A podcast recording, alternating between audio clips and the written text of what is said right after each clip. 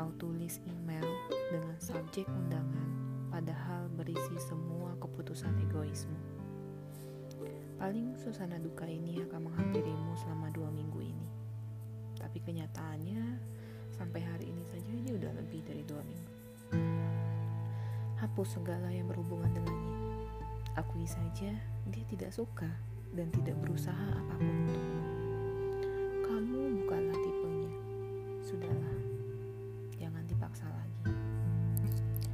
Itu catatanku di tanggal 4 Februari 2020 setelah email itu aku kirim jam 4 sore. Dan beginilah isi email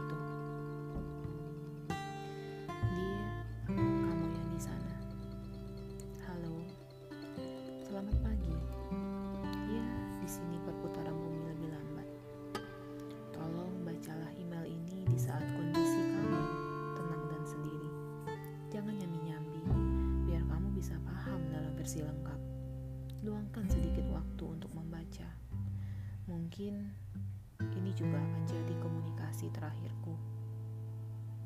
Kalau kamu menerima email ini, berarti aku sudah memutuskan untuk melangkah maju dan memutus keputusasaan dengan memilih mengakhiri semua asal muasal kesakitan yang beberapa tahun ini selalu aku rasakan.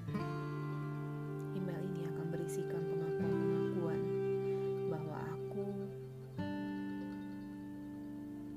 mencintaimu dan mungkin akan terdengar sangat lebay dan berdrama.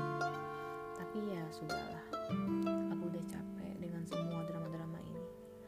Biar semuanya selesai dan bisa aku anggap tuntas. Bukan hal yang mudah bagi aku menuliskan semuanya di sini dan terus terang dengan orangnya langsung. Aku baru pertama kali mengalami situasi ini dan ya, aku mencoba untuk berani. Untuk sampai ke tahap ini saja, aku harus melalui banyak sekali pergolakan batin yang sebenarnya udah lama aku tahan-tahan. Tapi ya muncul pertanyaan selanjutnya, aku mau sampai kapan seperti ini? Tadinya aku akan memilih untuk gak akan kembali lagi ke posisi awalku di sana. Tapi rasanya kok aku berubah menjadi sosok yang pengecut dengan keputusan itu.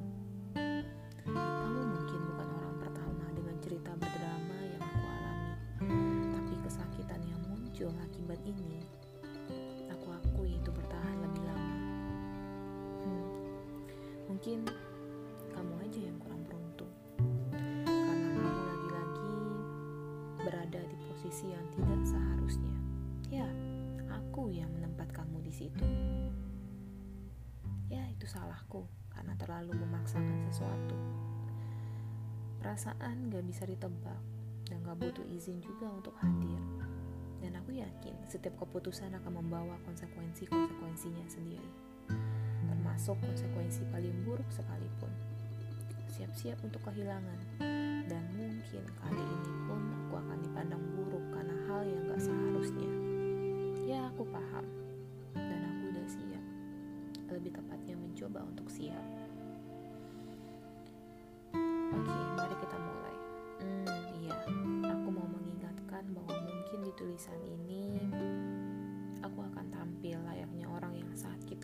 Jatuh cinta. Ya, nggak apa-apa. Kalau yang muncul persepsi yang seperti itu. Toh kenyataannya selama ini aku memang merasa sakit kok. Justru karena aku sadar waktu aku salah. Makanya aku memilih sebaiknya ya sudah aku pergi. Aku perlu untuk mengambil tindakan menyelamatkan diriku sendiri. Perlu menghindar jauh-jauh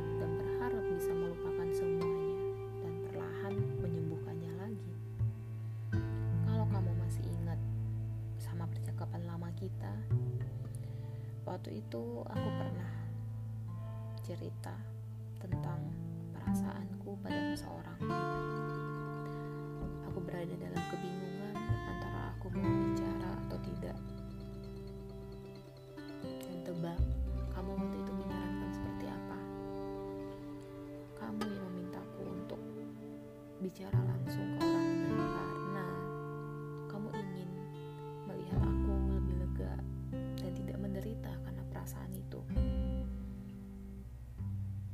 Singkat cerita, ya aku lakuin apa saranmu itu. Aku bilang pada orangnya langsung, tapi ditanggapi dengan satu kata yang aku sendiri tidak paham maksudnya apa. Lontong.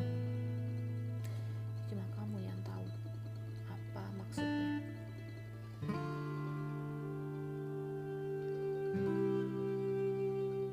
Sebelum aku pindah ke Malang, aku juga sudah berbicara langsung ke kamu kalau aku suka. Entah memang karena kamu menganggap itu candaan atau sebenarnya kamu tahu tapi memilih untuk tak menganggap. Entahlah, bebas kok. Itu hak kamu. Jujur aja akhir-akhir ini aku sudah tidak mau lagi memikirkan itu. Tapi jawaban-jawaban yang aku terima tidak pernah membuat aku lega. Semuanya serba nggak pasti. Jelas-jelas ditolak atau jelas-jelas kamu bilang enggak, mungkin ceritanya akan beda lagi. Aku bukan orang bodoh. Aku paham apa yang terjadi dengan diriku. Dan aku juga sadar posisiku ada di mana. Lama-lama aku malah merasa makin berharap karena yang aku tahu, kamu tuh emang baik sama semua orang. Makin aku biarkan diriku malah makin jatuh makin dalam. Siapa sih yang gak pernah kecewa? Semuanya pernah ngalamin, apalagi masalah perasaan. Nah, tadi di awal aku juga sempat nyinggung. Mungkin kamunya aja yang kurang, beruntung. Soalnya aku kenal kamu di saat-saat kamu sedang di saat-saat aku sedang berjuang untuk keluar dari perasaan penundukan. Makanya hati aku mungkin sedikit rentan.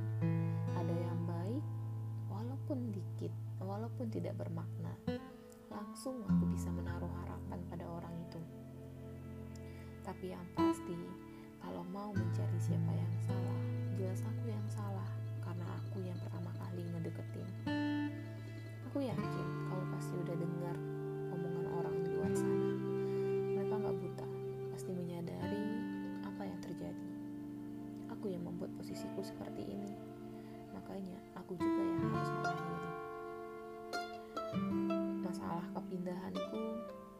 atau masalah kepergianku itu bukan hanya semata perkara ketidakpuasanku pada institusi itu. Tapi itu upaya aku untuk menghindar. Aku sadar posisi aku ada di mana dan tidak mudah untuk kembali baik-baik saja. Setelah aku merasa diberi peluang dan harapan untuk maju. Tapi nyatanya setelah aku pindah ke sini pun, aku masih menghubungi. Aku masih mencari-cari kamu sampai di detik-detik Waktu-waktu aku butuh kekuatan, aku masih ya kayak semacam speak-speak ngomong ke kamu. Entah kamu itu siapa, entah kamu nganggap aku apa, tapi jelas sekali itu sangat bertentangan dengan harga diri aku selama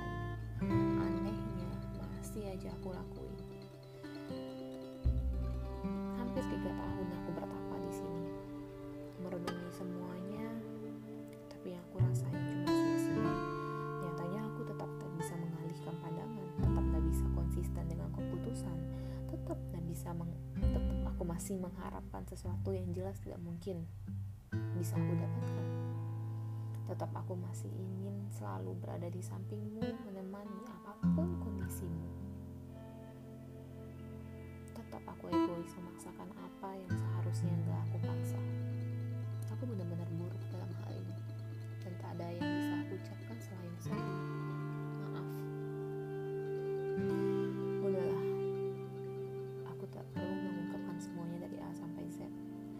Tujuanku hanya untuk melepaskan apa yang gak seharusnya. Aku pengen memulai langkah baru setelah ini. Dan kalaupun yang lalu-lalu tidak bisa aku dapatkan sesuai dengan yang aku harapin dulu, apa-apa, it's okay. Aku juga tidak pernah menyesal melihara sekian lama perasaan itu. Semuanya membuat aku belajar, terutama tentang sabar dan ikhlas. Sudah terlalu banyak kesempatan yang aku lewatkan. Aku nyerah karena aku sadar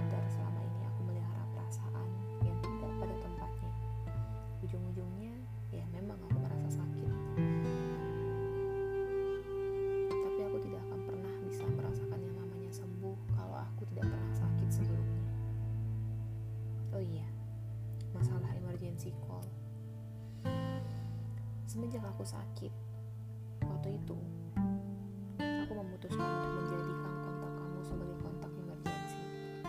Selama bertahun-tahun setelahnya, bahkan setelah kepindahanku ke daerah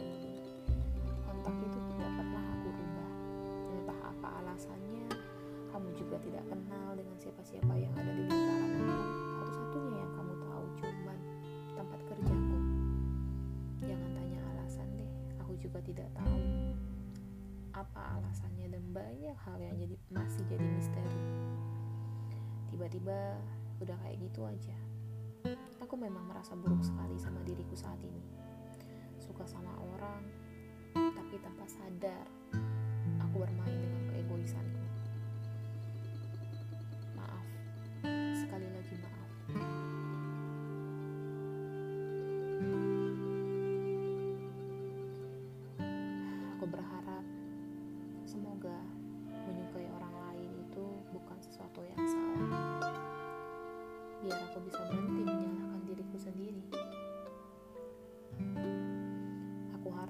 Bisa menerima email ini.